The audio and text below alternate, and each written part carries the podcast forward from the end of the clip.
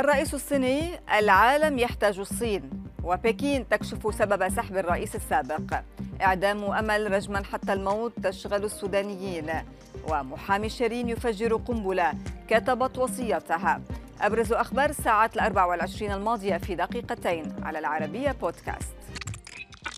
فاز الرئيس الصيني تشي جين بينغ بولاية ثالثة تاريخية على رأس الحزب الشيوعي الحاكم كأمين عام لمدة خمسة سنوات أخرى.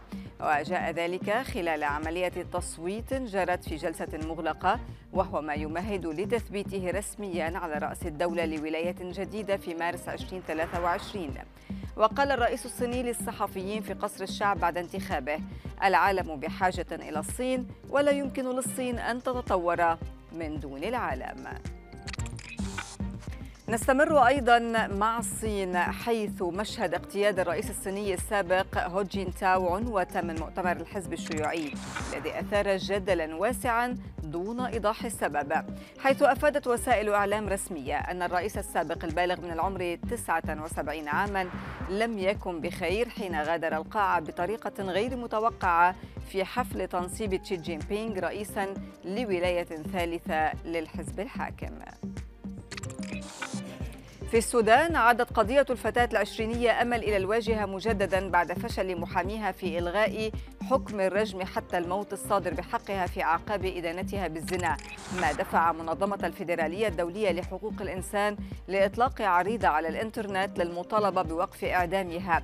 واعتبر النشطاء أن محاكمة أمل كانت جائرة إذ حرمتها المحكمة من حقها في حضور محام ليدافع عنها وسط تقارير تفيد بحصول الشرطة على الاعتراف بطريقة غير قانونية بحسب النشطاء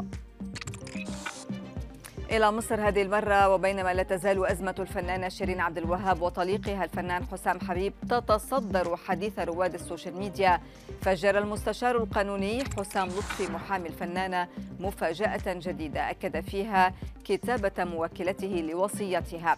لطفي أوضح في تصريحات تلفزيونية أن شيرين أودعت الوصية لديه منذ عدة سنوات مؤكدا أنه يعتز بهذه الثقة التي دفعتها إلى إيداع هذه الوثيقة الهامة ولم يكشف المزيد عن فحواها.